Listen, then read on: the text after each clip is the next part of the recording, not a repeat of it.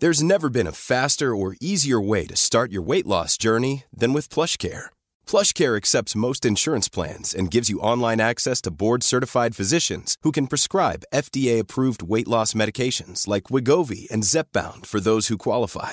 Take charge of your health and speak with a board-certified physician about a weight loss plan that's right for you. Get started today at plushcare.com slash weight loss. That's plushcare.com slash weight loss. plushcare.com slash weight loss. Ever catch yourself eating the same flavorless dinner three days in a row? Dreaming of something better? Well, HelloFresh is your guilt-free dream come true, baby. It's me, Kiki Palmer. Let's wake up those taste buds with hot, juicy pecan-crusted chicken or garlic butter shrimp scampi. Mm.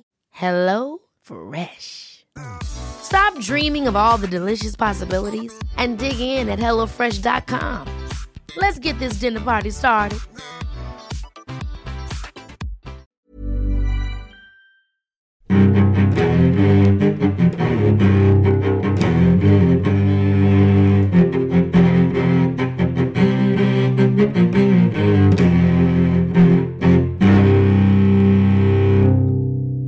CSR-podden med Åsa Stenborg och Torbjörn Olofsson.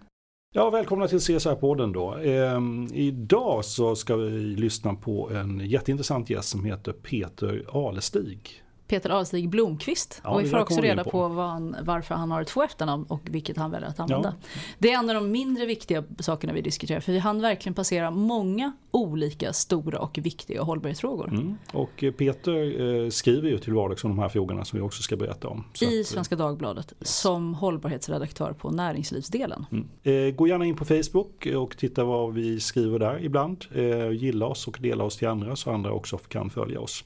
Och ha en fantastisk timme i att lyssna på Peter. Välkommen hit Peter. Tack så mycket. Peter Alstig Blomqvist. Du använder inte Blomqvist jämt. Varför heter du två namn? Kan vi börja i den basala ämnen? Vad heter Vi, du vi kan göra det. eh, jo, nej men det Alestig kommer från mamma, Blomqvist från pappa. Ehm, och det här att Blomqvist eh, började stryka på foten, det hände faktiskt redan på eh, Sveriges Radio när jag eh, när jag jobbade där på Vetenskapsradion. Mm. Eh, för jag tyckte att det var så himla långt att säga reporter var Peter Alestig Blomqvist. eh, och jag identifierar mig nog lite mer med Alestig med att jag bott hos eh, mamma hela uppväxten. Så därför, annars kan man ta så här cover up, Peter Blomqvist, när det passar sådär så kan du ha en dubbelpersona. Ja men jag har funderat Ja. på det när jag gör saker som jag inte är riktigt lika stolt över. Nej, det var Blomqvist, det var inte. Jag vet inte om pappa skulle gilla det dock. Du är en västkustbo med kulturintresse påstår jag. Eh, Och när kom du på, för du har gått kulturlinje på gymnasiet. Nej det har Det jag inte, inte men jag har gått på Kulturama. Och det, det ska man eh, inte musik tolka. där. Ja, men det är väl ändå kultur? Det musik? är kultur, absolut. absolut. Ja. Men det var efter gymnasiet. Gymnasiet Ja. pluggade jag mm, natur. Och hur kom du på att du skulle bli journalist? När väcktes den drömmen? Det var faktiskt precis efter att jag hade avslutat mina studier på Kulturama. Eh, Jag pluggade eh, sång i två år. Man kallar det för afro-jazz soul-sång. Mm. Eh, Vilket ja, afroamerikansk eh, pop, rock helt enkelt. Eh, Och så pluggade jag musikal i ett år. Eh, Och efter det så upptäckte jag att det var en, eh, ja, en brutal arbetsmarknad rent ut sagt. Eh, och så kände jag väl nog lite att jag ville göra något lite mera intellektuellt också. Eh, förlåt alla sångare som hör. och, och då så tänkte jag att ja, men det kanske är det journalist jag ska bli ändå. Och jag kan säga att det, steget var inte så himla långt. Båda mina föräldrar är journalister. Jaha, okej. Så. Det är för familjeyrket liksom. Ja, ja det är lite så. Så, så det var något du stretade emot egentligen men sen blev du långsamt indragen i det ändå. Ja men lite grann. Alltså, I gymnasiet så tänkte jag att jag skulle bli eh, civilingenjör. Ehm, och sen så dök ju musiken upp och så tänkte jag att nej nu ska jag bli rockstjärna. Ehm, och sen så Någonstans, men hela tiden där så har jag skrivit eh, lite recensioner lite då och då. Min mamma är kulturjournalist, jag har skrivit lite åt henne. Ehm, och jag menar, jag har ju fått en inblick i, hur det är att vara journalist hela uppväxten. Ehm, och förstått att det är ett tufft arbetsliv men också att det är vansinnigt intressant och man får göra så Man får inblick i så mycket. Ehm, och man blir inte expert på någonting men man blir eh, kunnig om allt i princip. Nästan. Tycker du Ehm, det lever, nu har du varit journalist i fem år drygt, eller? Är jag på rätt eh, härad i alla fall? ehm, Jag måste tänka efter själv. Det kan vara lite mer, men Ja, ja, sex, eh, Sex år. sex år. något sånt där Och kanske. tycker du det lever upp till det du trodde att det var? Du hade ju en bra bild, eller ganska stark bild då, i och med att du har dina föräldrar där också. Lever det upp till dina förväntningar? Ja, eh, absolut. Eh, sen så är det nog lättare än vad jag hade föreställt mig. Man har ju en liten eh, en hemsk bild av hur eh, arbetsmarknaden är även för journalister. Inte bara musiker som har det tufft, journalister har det väldigt tufft också.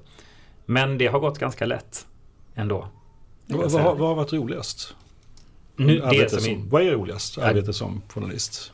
ja, alltså det som jag gör nu. Eh, Själva ämnesområdet? Liksom. Ja. Nej, jag spelar en podd med oss. Ja, ja. Inte. Nej, men ehm, om man säger rent generellt så jag, jag älskar ju att, att ta reda på saker och få lära mig saker. Ehm, så, så att liksom hela tiden få inblick i nya områden. Jag, jag är väldigt nyfikenhetsdriven som, som journalist. Andra kanske går in med en mer eh, förändra världen-inställning eller sätta dit folk-inställning. Eh, sådär lite Janne Men du är mer nyfiken? Jag är, det, om man ska vara lite, ja, det, det kanske är lite egoistiskt rent av. Jag vill lära mig saker. Mm. Vad, vad är Eh. tristast med yrket då? Ehm, ja, det är en bra fråga. Det finns Kan- inga trista sidor? Jo, Du- kanske stressen alltså. Stressen. Mm. Ehm, Det är som eh, framförallt eh, nu senaste månaderna har det varit extremt stressigt. Ehm, Och det, och det är ju en eh, nackdel. Då plötsligt kan det, allt det här som man älskar kan ju bli en belastning istället. Mm. Men eh, du, du är alltså eh, hållbarhetsredaktör på Svenska Dagbladet. Ja. Du, du är ansvarig för hållbarhetssidan där. Va- Varför valde de dig? Det var nog för att jag själv tidigt specialiserade mig lite åt det hållet. Ehm, jag har ju också en bakgrund på, på Vetenskapsradion och har gjort eh, radio för eh, Klotet som är Sveriges Radios miljömagasin. Världens bästa program. Världens bästa program. Ja, det, det Jag är fantastiskt Jag är helt bra. objektiv i min bedömning. Ja. Ja. Du viskar. så- Ja förlåt, det, är, Ja. jag bara, det var mest en så här Visst är det igen, det är världens bästa program. Ja det är det. Det är Filosofiska rummet och eh, Klotet. Mm. De rockar. Ehm, men ja, var var vi nu någonstans? Nu, du- har, nu tappar jag tråden här. Du började på Vetenskapsradion och att och Ja, du varför kommer valde de från- mig? Just just Varför valde de dig? Ehm, ja men sen eh, väl på Svenska Dagbladet, jag var en liten session på eh, tidningen Ingenjören däremellan också. Och det var nog det som tog mig in på Svenska Dagbladet Näringsliv där jag eh, är anställd. Men väl där så fortsatte jag utforska just ehm, eh, hållbarhets och miljöfrågorna. Jag, vid sidan om jobbet så gick jag lite distanskurser och jag gick en eh, kurs på Folkuniversitetet i CSR. Ehm, och så hade jag bevakat mycket Stora Enso, deras eh, hållbarhetsproblem. Eh, så sen när det blev aktuellt att dra igång en sån här satsning så frågade chefen Maria Rimpi mig om jag var intresserad. Och det var jag naturligtvis. Då gick du hem och jublade, eller? Ungefär. Fast jag var i Holland då, så det var faktiskt lite problematiskt. Jag bodde i Holland eh, precis när det drog igång. På Eh, uppdrag för Svenska Dagbladet i Holland, eller? Ja, jag var tjänstledig. Ja, Ehm, och eh, ja, frilansade därifrån. Okej. Och då bestämde du för att komma hem för att ta uppdraget. Var det ett villkor då, eller? Ja men det var, de ville att jag skulle komma hem med en gång. Med en gång. Det här var, vi drog igång första april eh, i år. Och de ville att jag skulle komma hem med en gång. Ehm, men det gick inte riktigt. Jag hade lägenhet uthyrd och, och lägenhet i, i Utrecht i Holland där jag bodde. Ehm, så vi eh, kom överens om att jag skulle göra det första på distans och så kom jag hem sen. Eh, vad i vad gjorde du i. Holland? Jag, jag måste stilla nyfikenheten. Du kanske inte vill berätta det? Jo, absolut. Det har jag inga som helst problem med att göra. Det är så att min, eh, min flickvän bor där. Helt enkelt. På Hon- heltid? Ja, hon pluggar på universitetet i Utrecht. Mm. Ehm, pluggar eh, Sustainable Devel- Development, eh, hållbarhetsstudier, nej utvecklingsstudier säger man väl på svenska kanske. Ja, något, något av dem. Ja, ja, precis. ja, ja, men holländarna gör ju mycket inom hållbarhetsvärlden också så det är ett bra ställe att vara på. Upplever jag det som. Sen är det ju väldigt olika förutsättningar i Holland och Sverige. Det är Ja. roligt när de pratar om skog och vi tittar på en park och tänker det är en, dung, det är en dunge, det är inte en skog hörni. Ja, jag kan säga det där är nog det som jag saknar mest i Holland, just, just den svenska naturen alltså. Mm.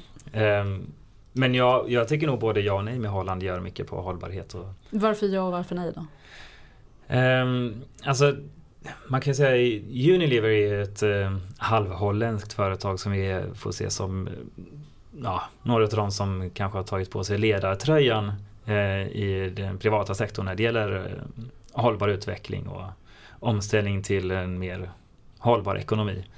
Ehm, men sen så Holland själva, de är ju näst sämst i Europa tror jag när det gäller Mm, förnybar energi.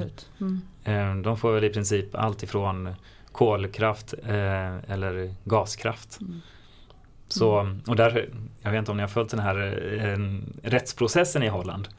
Eh, det, Om där de stämde regeringen inför Precis, deras prestationer precis. i klimatfrågan, ja, vilket är otroligt roligt. Ja, det- Nu, är vi, nu är det här en ankdamm och som Mm. är, Tove vill du vara med? Ja, gärna. Ni får berätta för mig och Berätta lyssnarna för vad det handlar om. Berätta för dem vad det handlar om. Ja, det, var, det är en organisation som heter Urgenda. Eh, som är en ordlek med urgent och agenda.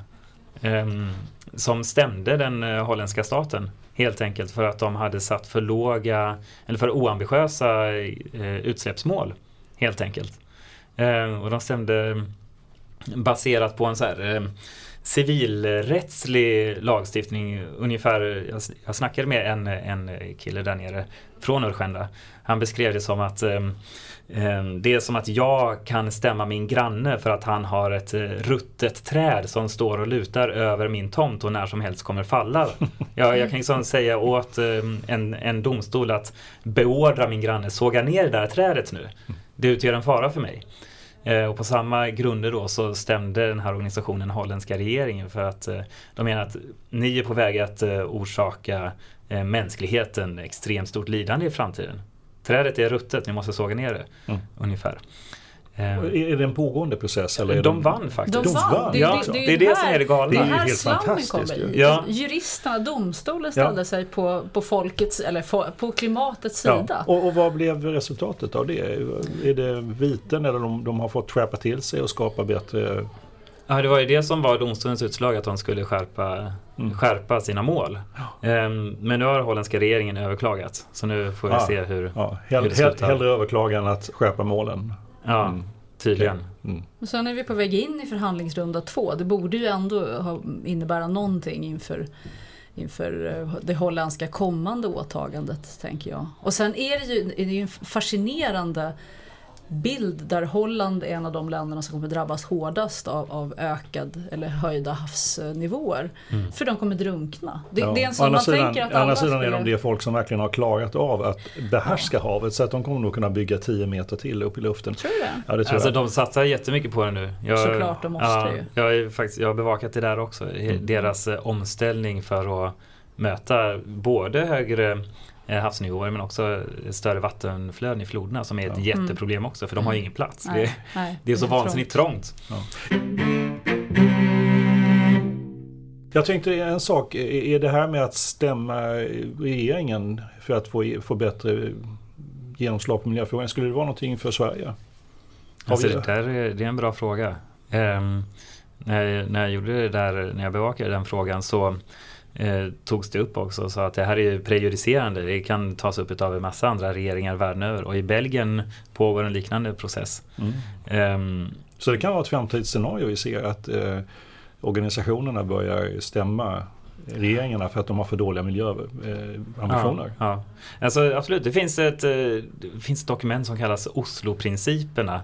Där ett eh, gäng internationella jurister har pekat på just möjligheten att stämma stater för att de gör för lite i Mm. eh, omställningen till, eh, eller ja, i att släppa ut.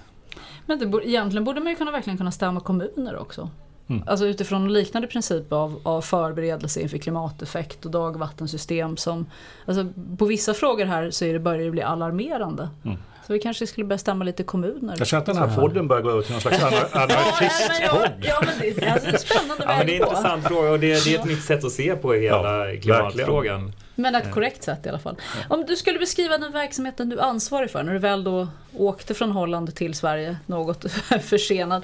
Vad är, det du vad är det ni har satt i sjön så att säga? Eh, Alltså det, det är ju en, ehm, en väldigt ambitiös satsning på att bevaka hållbarhetsfrågor skulle jag säga. Ehm, Sen så eh, när man pratar ambitiös med journalistiska mått mätt, det är inte så att vi har en redaktion på tio pers som sitter och bevakar hållbarhet. Det är du som är Eh, ambitiös. Det är jag. Nej men sen eh, det är jag och så är det jag har en kollega Sandra Johansson också som, eh, som skriver mycket om hållbarhet. Och sen så har vi några andra som rycker ut och gör, gör det en del lite då och då. Ehm, Men relativt sett så är det här en väldigt ambitiös eh, satsning. Ehm, I och med att det är faktiskt så att vi har en, en heltidstjänst som är dedikerad Mm. till att bevaka frågorna. Och du, vad, vad är produktionskravet på dig eh, i förhållande till... För det du har ju skrivit oerhört mycket, jag liksom hade en lång lista framför mig igår när jag tittade. Eh, ska det vara en artikel om dagen eller vad, vad är förväntningarna satta på dig från Svenskan? Alltså det, det fina är att det finns faktiskt inga förväntningar eller inga krav. Ehm, det är lite jag själv som sätter dem. Men sen så ska man veta att det här är ett, eh, det är ett eh, kommersiellt samarbete också. Mm. Ehm, Vi har tre stycken sponsorer som sponsrar den här satsningen vilket är ehm, Ja, det har sina problem rent eh, journalistiskt men det är, ett, det är ett nytt sätt att jobba på och jag upplever att det fungerar väldigt bra. Ehm, och, där, den kommersiella sidan, de har ju produktionskrav. I form av sidvisningar helt enkelt. Och då är det så att då har vi en kille som sitter i en annan, annan ände utav huset och skriver så kallat native material eh, från våra, för våra tre sponsorer. Och era tre sponsorer, det är alltså Nordea, BMW och E.ON. Ja, precis. Och så säger man att ni har tre spår. Ni har ett finans, ett motor och energispår. Ja. Och måste du också skriva i de spåren då? Eller kan du få skriva om eh, livsmedelsprodukter till exempel? Ja, ja, klart jag får skriva livsmedelsprodukter men det som eh, är krav på mig är att jag måste leverera inom de här tre kategorierna. Också, eh, också men du får skriva Precis. om livsmedel. Okej. Precis, men det, det egentligen är det jag i och med att det är så att det är de andra där borta som jag inte har så mycket med att göra som har sidvisningskrav på sig från annonsörerna eller sponsorerna. Ehm, Så är det lite upp till mig själv eh, hur mycket jag tycker måste publiceras i de tre kategorierna. Mm. Och jag tycker att det blir väldigt trist när det är för mycket sånt här native material och för lite redaktionellt. Eh. Du säger native material, vad menar Ja, du? det kallas det. Det är alltså mm, sånt innehåll som eh, sponsorerna då betalar för att det ska produceras. Det kan skrivas om BMWs nya eh, bränslecellssatsning Mm. till exempel. Då sitter det en, eh, en person som, eh, som jobbar just med native-artiklar och skriver en sån artikel. Mm. Och så publiceras den på vår hemsida. Fast den är klart märkt som, eh, som en annons då. Mm. Den har en gul platta istället för en vit. Till exempel. Mm. Ehm, det är de här native-artiklarna. Mm. Och de finns det en radda av. Och de är faktiskt ganska bra. Jag, jag har läst många av dem. Det är hög kvalitet på dem. Mm. Och hade de varit dåliga, hade du sagt det då? Ehm, då hade jag kanske, jo men det hade jag nog gjort. Det hade jag gjort. Ja. Ja, jo för det, det där är ju någonting som man funderar lite grann på när man tittar på det och det är liksom att finns det risk att eh, att, att människor blandar ihop det här, liksom era sponsrade native-artiklarna och de vanliga artiklarna så att säga. Finns det trovärdighetsproblem i det som du ser? Det gör det absolut och det är klart det är, det är en diskussion som, som vi har haft mycket på redaktionen också. Mm. För jag tänker på Ehm. förr i tiden så var ju det här absolut det värsta som en tidningsredaktion skulle kunna råka ut för. Att vara tvungen att skriva texter för, åt något företag. Det var ju nästan som man kunde bli utesluten ur Journalistförbundet. På Ja, ja, men nu ska, alltså vi gör ju inte det. Det är ju eh, inte reda- redaktionen som skriver de här artiklarna utan de kommer levererade utifrån. Mm. Precis som annonstexter egentligen. Ehm, sen Men det är liksom har, att det, börjar blandas ihop lite mer. Precis. Gränsen mellan har ju blivit, blivit svagare och svagare liksom. Så är det. Absolut. Och jag tror att det där ehm, Som de gamla rävarna eh, mår ju väldigt dåligt utav detta. I alla fall till en början. Men jag tror också att det är ehm, det är, en, eh, det är helt enkelt bara ett, eh, en ny verklighet som vi får förhålla oss till. Och jag tror att eh, som läsare så vänjer man sig vid det ganska snabbt. Mm. Och det känns som du, för dig är inte det ett problem. Du, du, du en, kan ändå separera de här sakerna. Jag kan ju säga att när jag fick reda på hur satsningen skulle utformas så, så var jag väldigt tydlig med, vad jag inte accepterade. Okej. Ehm, och jag, jag tror också, jag var lite så här, jag, på något sätt så tyckte jag att ja, men det är nog bra att, det att en sån som jag får, får det här uppdraget så att det inte är någon som är lite mer omfamnande utav Eh, det här nya sättet att finansiera journalistik som för jag, jag, kan tänka att det finns, det finns ju problem här med att hålla gränserna mellan det redaktionella och annonsmaterialet. Mm. Och om man tar ett exempel purfärskt så du gjorde en uppföljning på en amerikansk artikel eh, där du, eh, kring bankernas inställning till pris på koldioxid. Just det. Och så ställ, gjorde du samma sak, du frågade de svenska bankerna och då, då, kan man ju säga, det är ju subjektivt vad man uppfattar men eh, Sascha Beslik som är på Nordea gav ju det absolut skarpaste, tydligaste och bästa svaret i den eh, artikeln. Och då tänker man så här, hmm, undrar är det en slump eftersom Nordea är med och sponsrar den här satsningen? Alltså jag skulle vilja säga att det beror på att Sascha Beslik är väldigt bra på att leverera skarpa och bra svar. Mm. Um, och det är klart, jag kan säga Men för vi... de som inte vet det då? Ja. Liksom, så finns ju, ja. Men det, för det vet ju vi också. Ja, ja men precis, alltså, det, det, är klart att det finns, det finns den problematiken. Mm. Det, det är inget att hymla med det och Sascha Beslik blir ju också intervjuad i de här native-artiklarna lite då och då. Um, så jag tycker att, men jag kan säga reaktionen från våran sida, eh, redaktionen, är, är nog snarare att vi istället drar oss lite extra för att prata med Sascha Beslik. Just för att vi har Nordea som sponsor. Så, det så, så ja, diskriminering av sponsorerna istället lite grann. Ja, jag hoppas ja, att Nordea inte lyssnar på detta. Men jag... Nej, det, det, är ingen som lyssnar på det här. Det är bara vi som har det här samtalet. Mm. Det är ju det är positivt att du ser dilemmat i det och det är intressant att du säger att det är, det är någonting som gör, ger dig meriter för jobbet, att du faktiskt ser dilemmat i det. För, för jag kan själv uppleva att när man när man läser de här artiklarna, sponsrade materialet, så ser det ut som artiklar. Så mm. även om det är uppmärkt så råkar jag hamna in i det man har en varningsklocka som kund som gör att i en annons så tittar jag bort. Då försöker jag stänga av. De här artiklarna har ju tendens att smyga in för de är så artikellika. Ja. Så frågan är om det är bra eller dåligt. Och framförallt finansspåret upptäckte jag för att när man tittar på dem så blir det ju att de pratar om allt möjligt. Och Sasha är en väldigt trovärdig person. Mm. Så det är lite spännande att höra vad han säger. Men då är det lätt att glömma bort. Jag visste jag, det här är faktiskt inte en journalist som har granskat det här. Det är någon som har bara skrivit det för att det ska se bra ut. Så att, Ja. Det är ett spännande dilemma i alla fall. Det är det. Alltså, jag tänker också så här. Det, det som man ska tänka på där är att um, här agerar sponsorerna väldigt olika också. Hur de gör med, sitt, med det här materialet som mm. de betalar för. Um, vissa är ju, är ju liksom släpper den här skribenten ganska fri. Så den får skriva vad, vad den vill och, och sådär. Bara så länge Nordea är med på något hör någon gång ibland. Det behöver inte ens vara så att Nordea är med i varje artikel utan det kan bara vara intressanta ämnen och så står det presenteras av Nordea. Um, så medan andra är mera petiga och tycker att men okej, vi måste vara framställas på ett visst sätt och, och så vidare. Det är en ny marknad för annonsörerna ja, också. Väldigt, väldigt spännande. Eh, idag finns det en tendens att media måste bort från papper, ut på webb, ut på TV, radio, allt, konferenser och liknande. Ni har för övrigt en av de absolut snyggaste webbarna i Sverige ska jag säga. Ni har wow, supersnygg. För en gång skulle gå att läsa tidningen och inte bli sönderflashad av saker, så det måste jag hylla er för. Eh, vad gör du? Ni har, en, ni har webben, du finns i tidningen.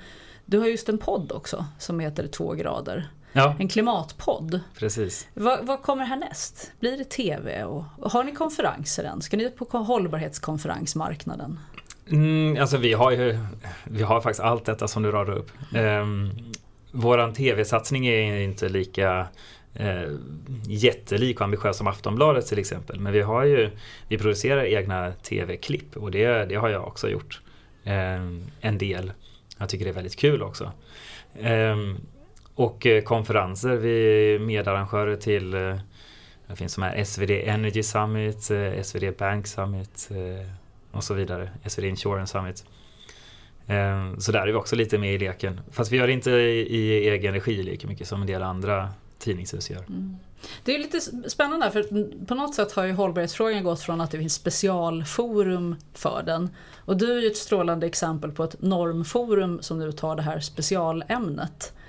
Eh, och det är frågan om det är dit vi kommer komma. Om vi skulle liksom titta i kristallkulan om tio år fram, kommer det hinnas en hållbarhetsredaktör då fortfarande? Eller kommer det ha blivit en sån normämne?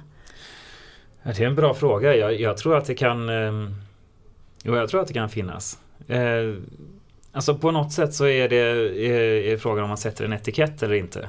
Eh, det, det, finns ju andra reportrar på redaktionen som har sina specialområden. Mm. Eh, även, fast de behöver inte kallas redaktörer för det. Eh, så det, ja, det är snarare eh, just att vi har satt en etikett på den här satsningen för att det är för att för att det är ett sånt eh, nytt eh, ämne som är stort just nu kan jag tänka mig. Så det, mm. du kanske har rätt i det, att det, det försvinner om ett tag och då gör alla det istället. Jag vet inte, det var mest spännande. Ja. Så här, snillen spekulerar liksom. Om du ser tillbaka på din eh, Svenska Dagbladet-satsning, om vi verkligen var den där bubblan, tio, tio år, fem år från nu kan vi säga. Vad skulle du vilja åstadkommit?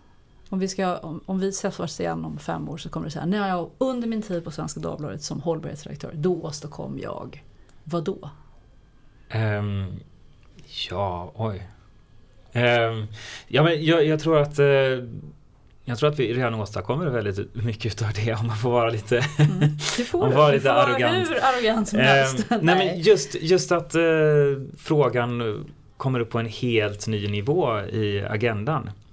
Uh, och då inte bara hos näringslivet där den faktiskt är väldigt högt på agendan redan utan även i folks medvetande. Och jag skulle också vilja uh, åstadkomma att att folk förstår att det här faktiskt är en fråga som tas på allvar i väldigt stora delar av både politik och, och näringsliv. För jag tror att det finns en ganska utbredd cynism när man tänker att det här handlar i slutändan bara om marknadsföring. Det problemet finns men jag skulle vilja säga att det, eh, det är inte alls lika, så, lika stort som många föreställer sig. Mm. Utan företag menar allvar med sin satsning? Ja, jag upplever det verkligen så. Mm. Att det, eh, när det gäller hållbarhetsfrågor så har bara på de år som jag har sysslat med det så har det kommit upp på en helt annan nivå. Man har en helt annan förståelse. Michael Treschow, den här gamla styrelseräven, när jag intervjuade honom i våras så pratade han om behovet av en, eh, en ny form av kapitalism. Eh, och jag menar, det där är ganska tunga ord från en eh, person som har varit i svenska, svenskt näringsliv i 50 år eller någonting. Väldigt tätt knuten till Wallenberg-sfären. Mm. Samtidigt så går han ju i en gammal tradition av när, vad heter det, finns ett fint ordspråk, när Satan blir gammal blir han religiös. Eller någonting. ja, ja. Alltså nu, det var roligt att jag fick vara...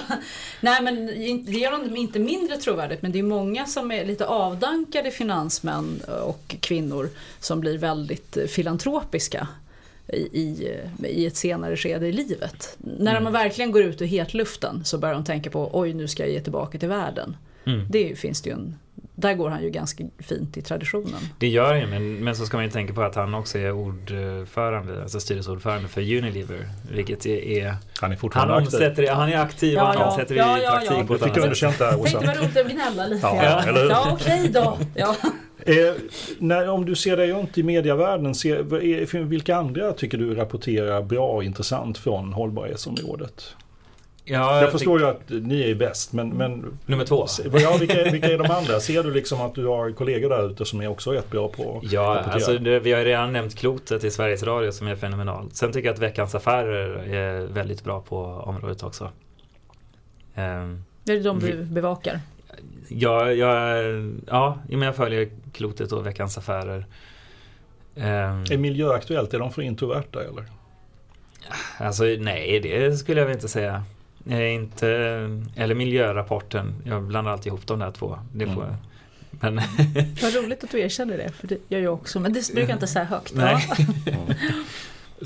Men generellt sett tycker du att media spelar den roll som, det, som den borde göra i, när det gäller hållbarhetssektorn och insikten i de här frågorna? Insikten absolut inte. Ehm, jag tror att det finns en väldig kompetensbrist på, på svenska redaktioner. När det Hos gäller journalisterna? Ja. Eller? ja. Och därmed så kan man inte förmedla frågan vidare om man inte förstår den själv. Så ja, eller jag tror att eh, alltså, journalister är experter på, på att sätta sig in i ett ämne snabbt och, och kunna förmedla det. Så jag tror, inte att det är det, jag tror inte att det är där det brister. Utan jag tror att det är mer, eh, mer insikten om eh, vilken stor förändring som, som vi går igenom just nu. Mm.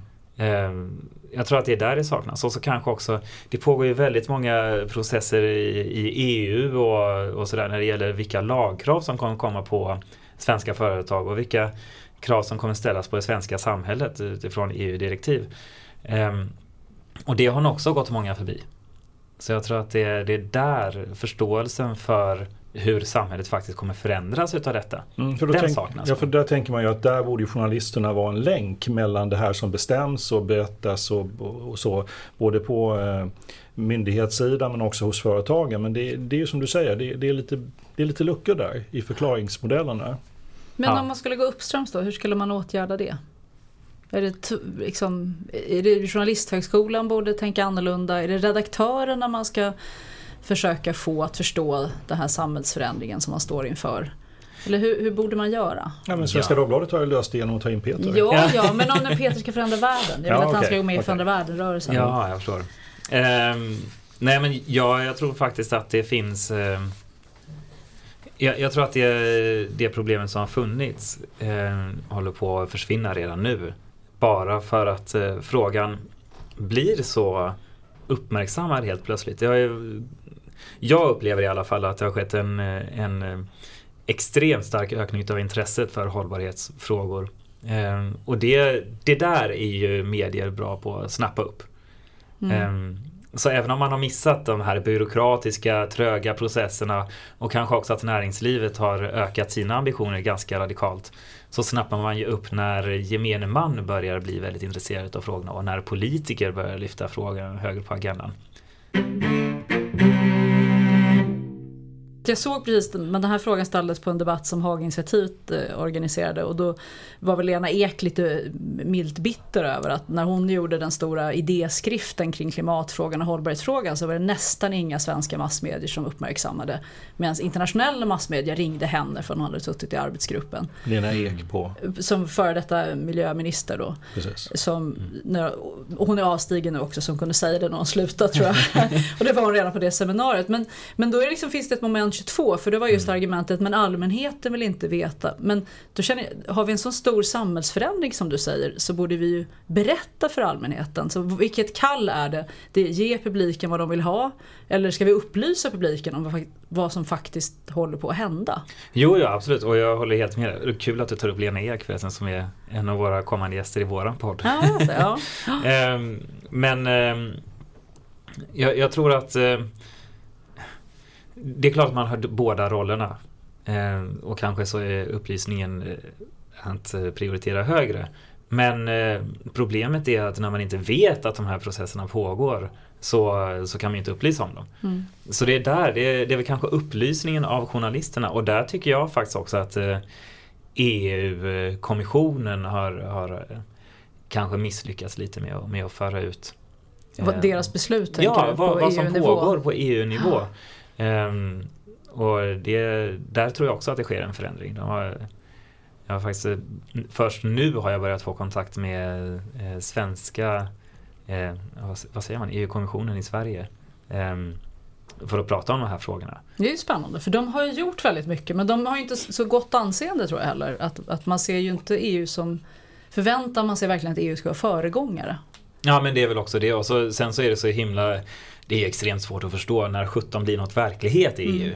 Det kommer ett förslag och så ska det bearbetas i någon arbetsgrupp och så ska det röstas om någonstans och sen ska det röstas om någon annanstans och så håller man på sådär och så Ja, Mm. This is Paige, the co-host of Giggly Squad, and I want to tell you about a company that I've been loving, Olive and June. Olive and June gives you everything that you need for a salon quality manicure in one box. And if you break it down, it really comes out to $2 a manicure, which is absolutely insane. It's also so easy to get salon worthy nails at home with Olive and June. The difference between how your nails used to look when you did them yourself and now with the Manny system is a complete game changer. The best thing about Olive and June too is it's a quick dry, dries in about one minute, lasts for five days, and full coverage in up to one to two coats. Visit oliveandjune.com slash perfectmanny20 for 20% off your first system. That's oliveandjune.com slash perfectmanny20 for 20% off your first system. Hold up. What was that? Boring. No flavor. That was as bad as those leftovers you ate all week. Kiki Palmer here, and it's time to say hello to something fresh and guilt-free. Hello Fresh. Jazz up dinner with pecan-crusted chicken or garlic butter shrimp scampi. Now that's music to my mouth. Hello Fresh. Let's get this dinner party started. Discover all the delicious possibilities at hellofresh.com. Everyone knows therapy is great for solving problems, but getting therapy has its own problems too, like finding the right therapist, fitting into their schedule, and of course, the cost. Well, BetterHelp can solve those problems. It's totally online and built around your schedule. It's surprisingly affordable too.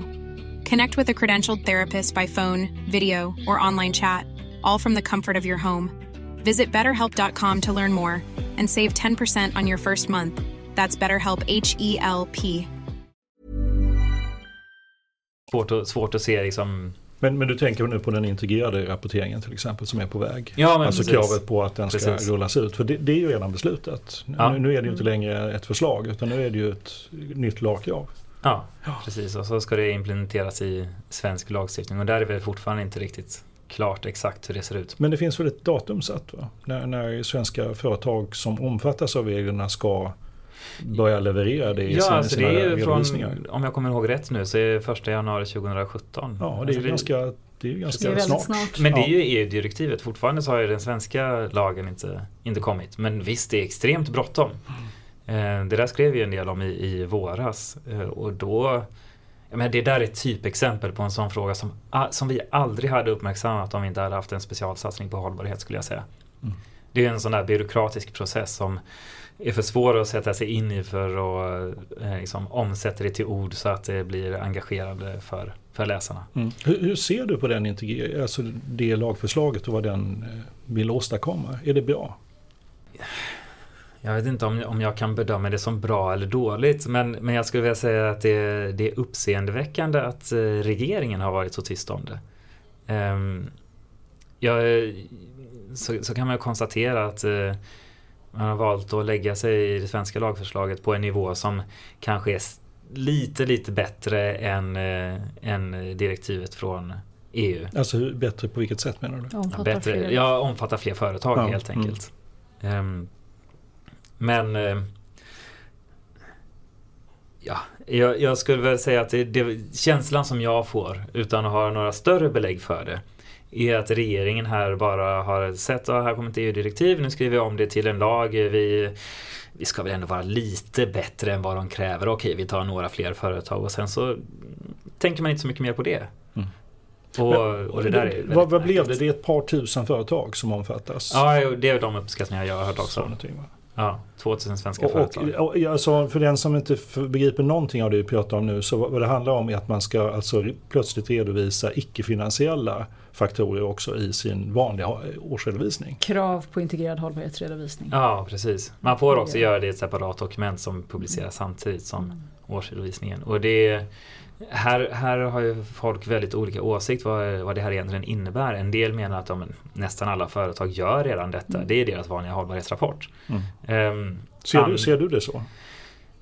Alltså, jag tror väl att de flesta företag kommer komma undan med att, bara göra det. Men jag tror att om man verkligen går eh, in på djupet i, i den eh, lagen som kommer och i, i direktivet så krävs det mycket mer än så.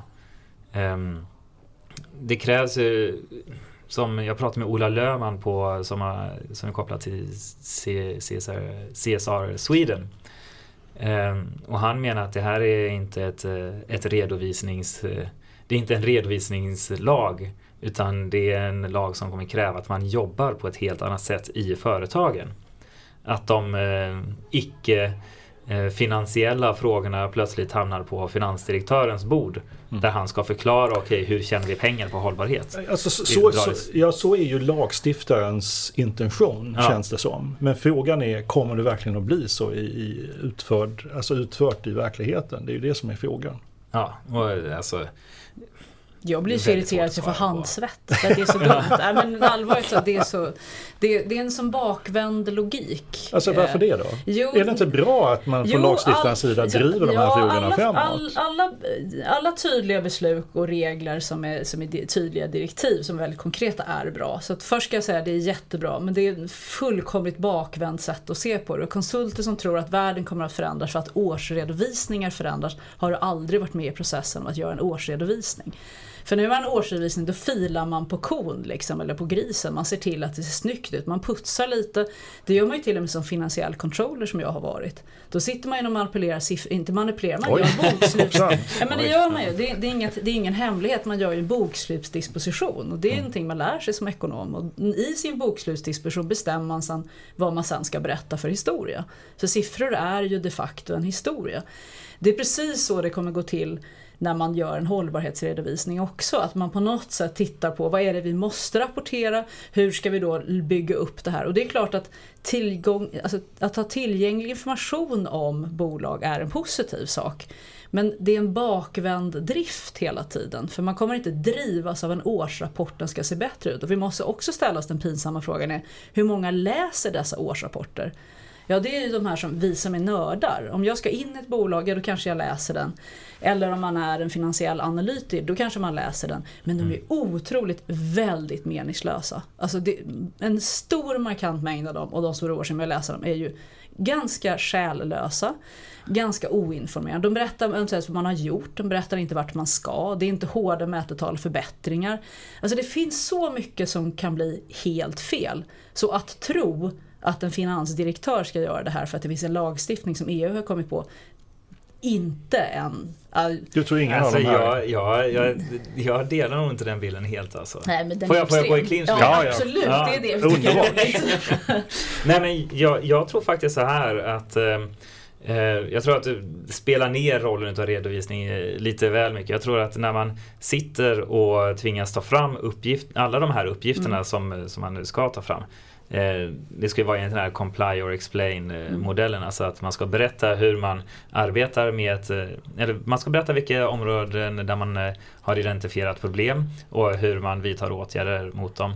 Och om man inte har hittat problem på, eller om man inte vill berätta om något särskilt område så ska man förklara, okej varför behöver inte vi berätta om detta? Ehm, och jag, jag tror ju att när man sätter sig ner och gör det vilket skiljer sig ganska radikalt ifrån vissa hållbarhetsrapporter där det bara är så här, titta vi har startat en skola där och titta vi ger vatten till de här barnen, vi har borrat en brunn. Bara liksom rent skryt. Om man förändrar det till att liksom vara, okej vad finns det för problem i våran organisation? Mm. Om man, för de här problemen, då kommer jag i alla fall, alltså jag, jag kan ju inte tänka mig att eh, en företagsledning inte ens läser sin egen hållbarhetsrapport eller diskuterar de här frågorna. Så då tror jag att det plötsligt kommer faktiskt att det kommer kanske inte innebära någon revolution men jag tror att frågan kommer komma högre upp. Och att det är andra typer av frågor än den klassiska eh, berätta hur bra man är frågorna som liksom har ett, ett problem för hållbarhetsrapportering så som jag ser det. Jag ska vända kappan lika snabbt efter vinden som jag... Det blåser väldigt kraftigt här. Nej, men jag, jag ska absolut ge dig rätt och jag har själv träffat på den historien ganska ofta när hållbarhetschefen säger att det är jättebra med rapportering för då får jag uppmärksamhet. Så det blir ett verktyg för hen på en, i en organisation att få upp sina frågor väldigt högt upp i ledningen och de blir diskuterade. Så att absolut, ja det kommer göra en, en en förändring. Det tror jag verkligen. Så, som jag sa, alla regler och sånt som är tvingande är väldigt bra. Men däremot att tro att det är en revolution, det är det jag ställer mig lite skeptisk till. Och det som gör mig lite förvirrad om man nu ska vara managementkonsult, det är att det är oftast mycket mer intressant att peka mot ett mål än att säga du måste jobba med en redovisning. Absolut. Det är här, släpp Det ut din tonår, ja, exakt. släpp ut din tonår på gatan och säg att vad du än gör måste du berätta det för mig. Det är ju klart att det blir en reglerande effekt. Men det är otroligt tidskrävande istället för gör snälla saker och se till att din affär gör snälla saker. Och jag tror ju att hållbarhetsfrågan de facto är en business intelligence. Det handlar om hur ser jag på världen i förhållande till min affär. Vad är interaktionen mellan min affär och världen? Och det är då vi måste titta på innovation och affärsmodeller. Och det har inte en hållbarhetsredovisning riktigt potentialen att klara av.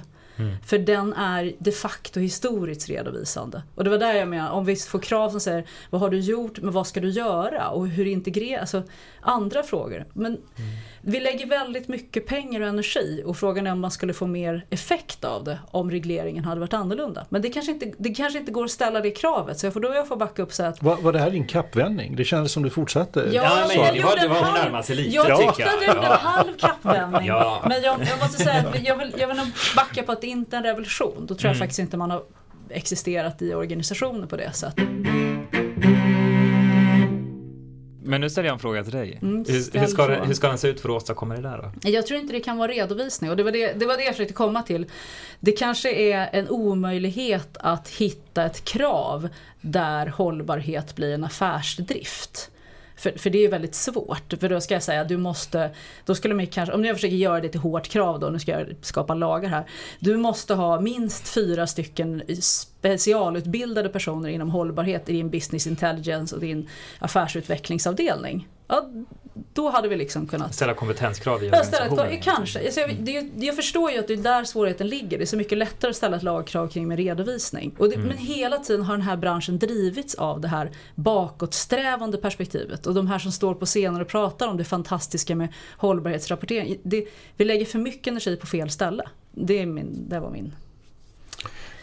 En naturlig fråga är ju också då eh, Svenska Dagbladet och, och eh, Schibsted som eh, äger er. Eh, har, har ni integrerad redovisning? Alltså det här, jag har ju jag har gett en, eh, en liten känga en gång åt, eh, åt Schibsteds hållbarhetsarbete faktiskt i, i en eh, analys som jag skrev. Eh, vi har, det är klart att vi har, vi har en, en, ny hållbarhetsportal eh, som de lanserade för ja, är det, det är bara några veckor sedan, en månad sedan eller något sånt här. Ehm, men jag skulle vilja säga att, att eh, Schibsted liksom många andra företag lider lite utav det här med att eh, fokusera på att berätta vad, vilka bra grejer man gör. Eh, istället för att prata om eh, risker som man faktiskt har i sin verksamhet och eh, potentiella problem inom, eh, inom hållbarhetsområdet. Eh, istället så är det mycket här fina satsningar som man visserligen gör. Satsningar på eh, läs och skriv som är en stor satsning. Och gula båtarna, skicka ner båtar för att eh, hjälpa till i Medelhavet. Men det är liksom, jag, jag tycker inte att det är det som CSR handlar om. Utan det handlar inte om en käpphäst som jag brukar köra. Det handlar inte om vad man gör med sina pengar. Det handlar om hur man tjänar dem. Mm, nice uttryckt. Ja. Nu ska jag skriva ner. Vackert uttryckt. Om man skulle granska ett mediehus då? Vad, vad, är, vad är de stora utmaningarna för ett mediehus som Svenska Dagbladet eller Schibsted? På hållbarhetsområdet På då? hållbarhetsområdet. Om vi verkligen tittar på hur tjänar ni era pengar? Vad, vad, skulle, vad, är de, vad blinkar de röda lamporna?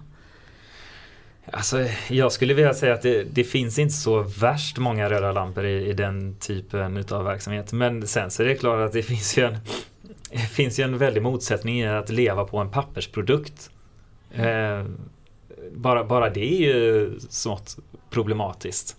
Men det, Eh, det håller ju å andra sidan på nästan att bli Ja, inte. att- Ja, precis. precis. Det är Dagarna är räknade. Ja. Ja. ja, men det är ju lite så. Mm. Men ehm, ehm, Sen så för Svenska Dagbladet, alltså det handlar väl kanske om vilka, hur man granskar sina underleverantörer väldigt mycket.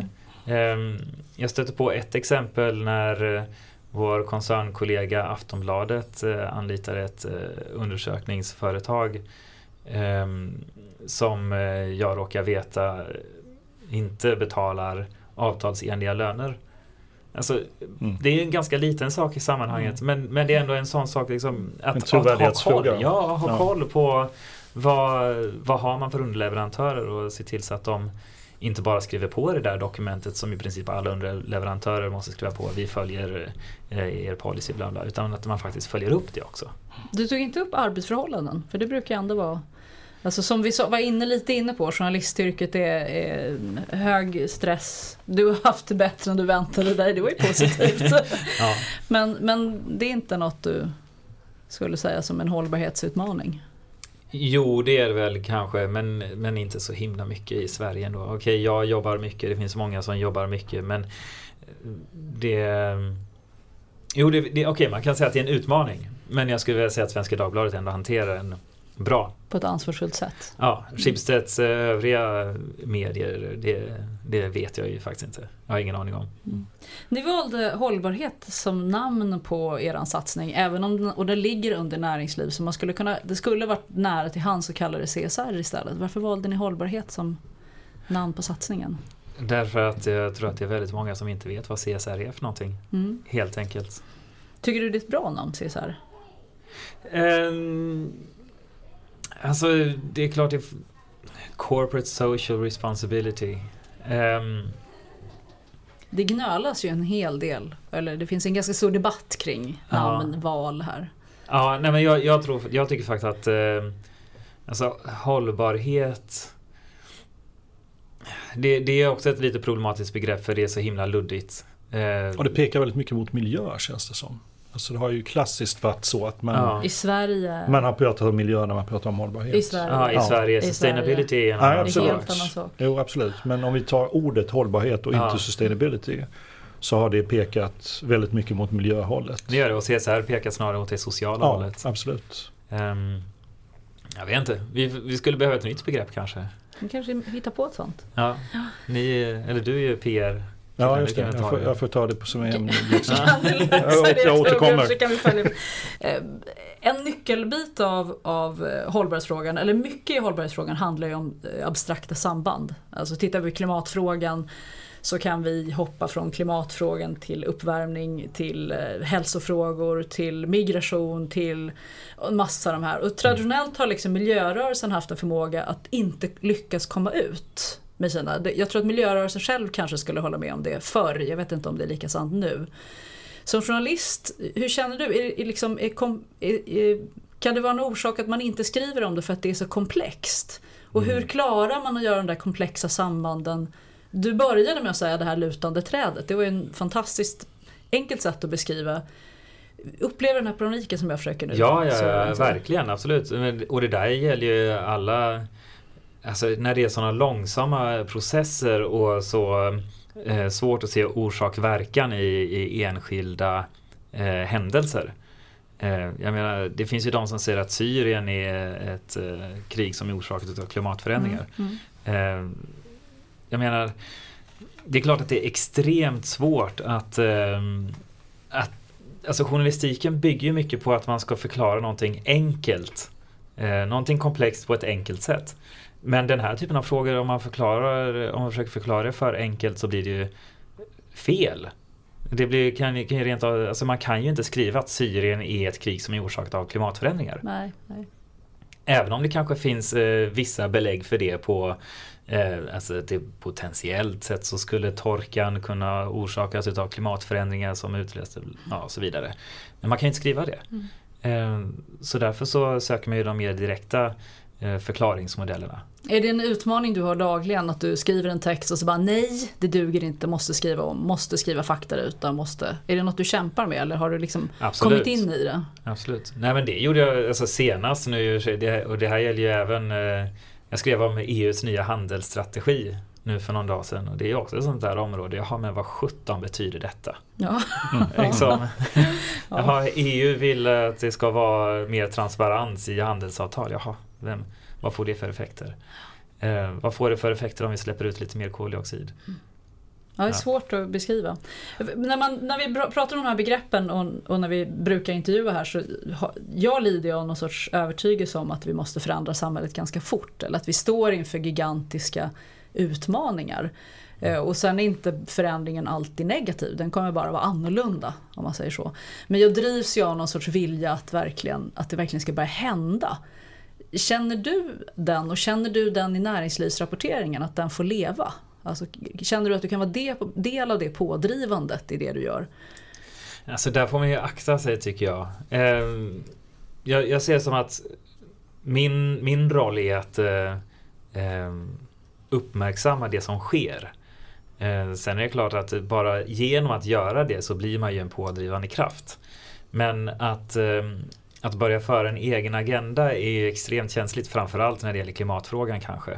Eh, för då blir man genast eh, nedskjuten utav eh, alla klimatskeptiker som finns där ute. Finns det så många kvar? Ja men det, alltså jag kan säga, jag upplevde förut att det hade avtagit men nu när vi, när vi drog igång den här eh, klimatsatsningen så har det ju vält in. Intressant, för jag ja. trodde nästan att de var utdöda faktiskt. Att jag har förut, absolut, fem, sex, sju år sedan så behövde du kämpa.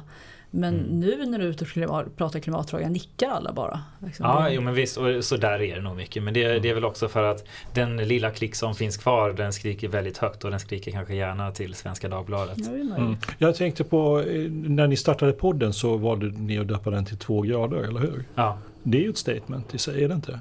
Det är väl en syftning på de Ja, omdiskuterade ja. två graderna som, eh, det, det får inte bli högre än det för då blir det en katastrof. absolut. Jo men det är klart. Så man kan ju se det som ett statement. Vi, vi gick in på det där i första eh, programmet också. Varför just två grader? Eh, Istället för 1,75. ja, ja precis, precis. Och, och vad kom ni fram till? Vad, vad, var resumén av det där resonemanget från när ni började? Ja men alltså det är ju för att det är siffran som man hör överallt. Eh, det är verkligen, och, så, och då vill vi också, också i första programmet gå in på djupet om okay, varför, varför är det två grader man snackar om.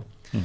Eh, och Per Holmgren som den här gamla SVT-meteorologen med det långa håret som var vår första gäst, han, han sa väl att ja, egentligen så är det fel mål. Man borde prata om 1,5 grader kanske. Eh, för att undvika de värsta konsekvenserna. Och då har vi ju nästan bränt tvågradersmålet redan. Alltså, nu är vi väl på en nivå där vi konstaterar två grader snarare. Och diskuterar Ja, vad händer härnäst. Ja men precis, alltså, jag, det finns intressant. Jag, jag tror inte att vi kommer klara oss under två grader. Mm. Eh, så jag är nog med, Ja, med dig ja. där. Ja, och sen, du vet inte, här, det som är så skönt här ändå, det är ju att, att det finns, nu tycker jag just, jag tycker IPCC är en, ett fantastiskt eh, initiativ. Och, Och vad står det för? International Panel on Climate Change, eh, FNs klimatpanel. FNs det är en klimatpanel, tack. Herregud, jag vad bokstäverna står för. IPCC, ja men det är International Panel on Climate Change, så det är faktiskt det är ja, precis det. Eh, som hjälper till att samla senaste forskningen i frågan och eh, släpper rapporter vartannat år de har släppt eh, på sista tiden där det finns extremt gediget underlag. Så jag tycker man har, det sköna är väl att man har gått väldigt mycket från tyckande till att faktiskt säga att nu säger de detta. Och de har ju den här charmerande vetenskapliga attityden av att de nu sista gången kom ut och sa vi kan nu bevisa att människan har påverkat klimatet. Och det kändes som, det där visste vi väl innan. Men alltså, de, de jobbar ju mycket med vetenskapliga samband. Det Mm. ger en enorm trygghet i diskussionen tycker jag. Eller jag känner mig mycket tryggare av att kunna använda sådana material. Ja. Så, och då, där är väl, bär väl tongången bland forskarna att två grader är oerhört svårt. Då skulle vi behöva en omställning vi inte ser. Vi ser i alla fall inte dra ut tangenten som vi gör nu. Då är vi inte på två grader. Nej. Det kan man säga med. Liksom. Ja. Sen så i och för sig, jag tror att det kan hända väldigt mycket inom teknikutveckling som, som kan göra att det går extremt snabbt när det Mm. väl tar fart. Sant. Men, eh, Det här är nästan en konstig fråga, eller självklart. Vad är de heta miljö och hållbarhetsfrågorna just nu? Det har vi ju pratat två grader. ja men eller hur? Alltså, vad borde vi prata om som inte är två grader då? Så Nej men faktum är att alltså, vi pratade om, om jag får ge ett annat svar på den här Mm. frågan. Jag, jag diskuterade det här med min kollega Sandra Johansson precis innan jag kom hit. Ehm, och, sa, och hon sa så här, ja men alltså risken nu är att de andra frågorna glöms bort. Mm. När, när det är så himla mycket fokus på klimat och miljö. Mm. Ehm, Och vad skulle, vilka skulle du då vilja lyfta upp nu när ni hade det samtalet? Vilka an, andra frågor bubblade upp i ditt huvud då? Ehm, ja, alltså för egen del, jag följer ju antikorruption väldigt mycket, eller korruption. Ehm, där händer i och för sig väldigt mycket. De som kanske blir lidande istället är väl sociala frågor och eh, arbetsrättsliga frågor. Samtidigt har vi ju migrationsfrågan är ju gigantisk ändå men inte, Ja. alltså den är ju, där är ju verkligen en fråga som blivit mainstream istället för hållbarhet. Så, så den är ju där redan. Ja. Och då är ju mångfaldsfrågan väldigt bubblande utifrån nyanländas rättighet till att komma in i Det samhället. Samtidigt så alltså jag, det är nästan lite signifikativt för, för det här att man glömmer bort vissa andra delar. Det är att eh, ehm, pengarna för flyktingmottagande tas just från den här typen av långsiktiga projekt. eh, Utbildning och jämställdhet och sådär i, i många utvecklingsländer. Ja, det är Eh, intressant. Ja, så, och där, där är de här sociala aspekterna som kanske blir lidande. De långsiktiga aspekterna när man har de här brännande frågorna. Klimat, flyktingmottagande. Samtidigt så, så möter jag ju människor när man pratar med kemister som säger att klimatfrågan är ointressant för det kommer dö kemikaliedöden långt innan dess. Alltså hormonpåverkande ämnen och liknande. Den diskussionen har ju inte startat i Sverige än riktigt, upplever jag det som. Nej, alltså den har varit uppe och bubblat ett par gånger kanske. Men, den har inte tagit fart. Nej, liksom. Det har inte blivit var mans fråga på samma sätt som klimatfrågan. Nej. Och det kan jag tycka är väldigt märkligt. Men det är okunskapen inom forskningen där kanske som är... Mm. En, en fråga som vi ofta tar upp, det känns som det är alltid jag som tar upp det. det, det handlar om eh, misslyckandet och, och eh, kraften som finns i att våga berätta om misslyckande. Alltså erfarenhetsöverföringen som det innebär. Mm. Och att vi brukar konstatera att det, det, är så få som vågar ta det klivet ut. Att, att våga berätta om sina misslyckanden och hur de faktiskt sen kom vidare ifrån det. Mm. Eh, parallellt till barnuppfostran att det är outhärdligt att sitta och lyssna på föräldrar en kväll som bara skryter med sina barn. Men börjar de berätta hur det har gått åt skogen för dem, det är då alla vaknar till och tycker ja, det där var mm. intressant. Nu lärde jag mig någonting. Va? Eh, hur ser du på det? Eh, skulle vi bli bättre på att lyfta fram misslyckande och berätta hur vi hanterade dem? Ja absolut, det tycker jag verkligen. Sen så kan jag ju säga att eh, ehm, medielogiken är lite problematisk där i sammanhanget. För när någon vill berätta om problem så vill vi gärna beskriva skandaler. Ja just det. Så att man kan inte ta och beskriva problemet utan att den som berättar om det blir eh, omkullvält så att säga. Nej, alltså jag, jag, tror så här att de... Eh, och det här är, det här är ett väldigt grundläggande problem. Alltså att eh, om jag läser i, i något företags eh, rapport eller något pressmeddelande ehm, att någon har upptäckt vi har eh, haft korruptionsproblem här ehm, och sen berättar men vi har tagit tag i det på det här sättet och bla bla. Alltså jag beskriver inte hur de har tagit tag i det. Eh, man börjar ju med liksom korruptionsskandal. Ehm, och sen så i andra halvan av texten någonstans, kanske lite senare, så börjar man gå in på okej, okay, vad, vad gör företaget då för att komma till rätta med problemen? Mm. Eh, och för min roll som jobbar med företagen så vill man ju överhuvudtaget inte alls prata om det. Utan man vill Nej. ju bara prata om det goda som kommer ut ur det. Och, och, det är jag som trycker på att säga, berätta även om vägen. Därför att det är den som kommer att ta tag i folk. Mm. Men då är det problem för att då gör ju du, sådana som du gör ju fel historia av det då. ja. Medialogiken, jag tycker inte vi ska gå till personer. Nej, okay. vi håller på ja. Nej, men alltså, jag, kan ju, jag, jag kan ju säga att det är klart att det finns tillfällen när man kan eh, eh, gå in på det andra men det kommer först efteråt. Det är lite synd för att vi, vi har ju försökt driva att ha ett seminarium där folk kommer och delar med sig av sina misslyckanden. Ja. Drivet av hypotesen att det skulle verkligen bli ett bra erfarenhetsutbyte. Ja, verkligen. Men, men då kan inte vi bjuda in sådana som dig i så fall. Såna som, nu blir det sådana mm. som dig istället. Ja, ja, Nej men alltså, jag, jag vet jag ska inte vara så eh, um, kategorisk här kanske. Absolut, jag tycker vi, du har, det, det, det är väldigt bra Det är lätt att ja. hålla med dig i den logiken. Men jag, jag kan, mm, förlåt. Nej men alltså jag kan, jag kan bara ta som exempel om jag har Stora Enso som, som jag hade sina de hade väldigt stora problem för, är det, är det ett år sedan? Ett och ett halvt? Mm. Något sånt där. Mm. Med eh, barnarbete i ja, Pakistan? Ja precis, precis. Det var ju den senaste av en rad skandaler för Stora Enso. Ehm, och nu i somras intervjuade jag deras nya VD om vad de gjorde för någonting. Ehm, så det dröjer ett tag innan man kan eh, Men man vill ju fortfarande gå tillbaka Eh, och höra, okej, okay, vad har ni gjort för att komma till rätta med problemen? Mm. men det är just detta, först så berättar man att någonting har hänt och sen så berättar man hur hanterar man det. Mm. Och det är först, först berättar man. Jag, jag tänker på två berättelser som är ganska aktuella. Jag hörde ett seminarium från Skanska där Skanskas eh, CSR-ansvariga pratade om hur man hade börjat bygga upp sitt hållbarhetsarbete och då menar han att tog man ju avstamp i Hallandsåsen och den katastrof som det innebar. Så Jaha, var, man, ja. man, börjar ju liksom i ett kaos där man så att säga, inte kan komma mycket längre ner på botten än vad man var. Och sen började man bygga därifrån och uppåt. Och det är ju ganska intressant. Det, ja. det, då, då, blir ju, då ligger ju ändå den, det misslyckandet ligger lite tillbaka i tiden så man kan hålla lite distans till den. Men eh, det finns ändå intressanta saker att berätta ur det. E, e, ett, ett företag som inte har gjort det, det är ju ehm, eh, Boliden. Mm. Eh, om ni kommer ihåg eh, som när man dumpade alla gifterna i Chile. Mm. Och det, där ligger ju ett rättsfall som mm. kommer att behandlas så småningom. Men där har ju egentligen aldrig Boliden själv har ju liksom inte gått igenom den här berättelsen. Deras, deras eh, tidigare miljöchef har ställt sig på andra sidan. Eh, men, men företaget i sig själv har ju liksom fortsatt att eh, vidhålla sin version. Och, och deras CCR-arbete känns ju lite det känns lite darrigt tycker jag, från min ja. horisont. Alltså där, eh, det där var också Stora Ensos VD inne på att eh, när han har rekryterat någon ny hållbarhetschef. Nu får jag Stora Enso låta som väldigt bra här. Jag, ska, jag kan säga jag vet ingenting om, om hur deras planer på att förändra verksamheten faktiskt kommer vad det kommer landa i. Men eh, han menar att han ville ha, han rekryterade faktiskt en person från just Skanska. För han sa att han ville ha en, en person som har varit med om resan. En person som liksom vet vad det innebär att gå på en ordentlig nit Eh, och, och, som kan bygga upp någonting därifrån. Eh, ja. Du har under sju månader nu hunnit eh, prata med en hel del eh, företagsledare och eh, personer inom hållbarhetsvärlden. Vem, vad, vilket samtal kommer du ihåg som en lysande stjärna?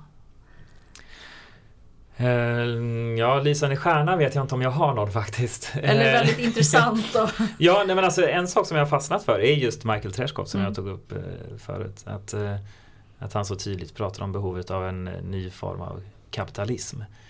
Det förvånade mig väldigt mycket. Sen så egentligen i det bolaget så är väl VDn Paul Polman är väl den som är den lysande stjärnan. Eh, som jag väldigt gärna skulle vilja prata med också.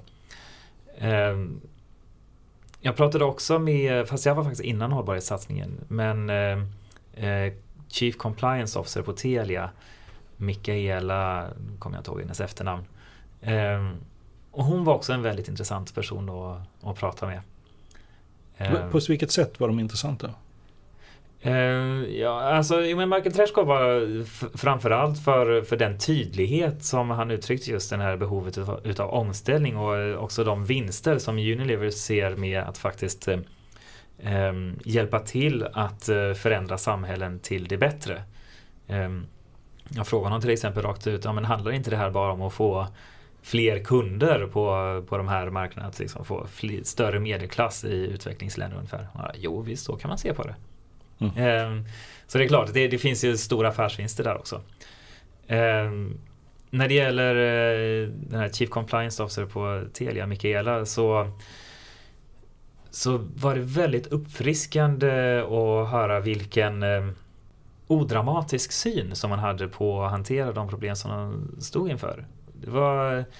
Eh, jag, jag, skulle vilja säga att hon eh, hon hymlade inte på något sätt med att men, det här är enorma problem som vi måste eh, angripa från en massa håll samtidigt. Eh, från högsta ledningsgruppen. Vi har, eh, ja, jag, upplevde, jag upplevde det då som att de satsade väldigt stort på att komma till rätta med problemen.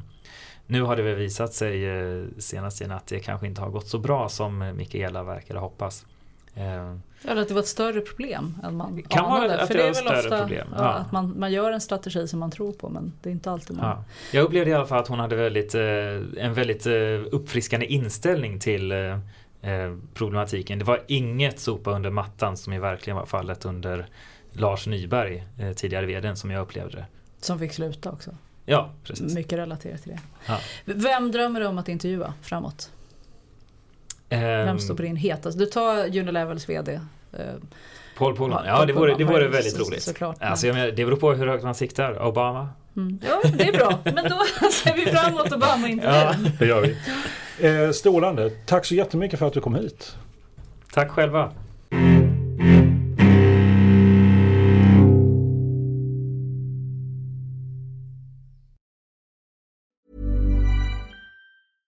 Ever catch yourself eating the same flavorless dinner three days in a row? Dreaming of something better? Well, HelloFresh is your guilt-free dream come true, baby. It's me, Gigi Palmer. Let's wake up those taste buds with hot, juicy pecan-crusted chicken or garlic butter shrimp scampi. Mm. Hello Fresh. Stop dreaming of all the delicious possibilities and dig in at HelloFresh.com. Let's get this dinner party started.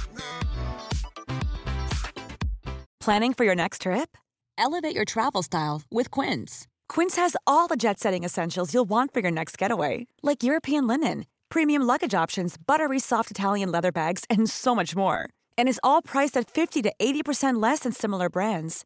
Plus, Quince only works with factories that use safe and ethical manufacturing practices. Pack your bags with high-quality essentials you'll be wearing for vacations to come with Quince. Go to quince.com/pack for free shipping and 365-day returns.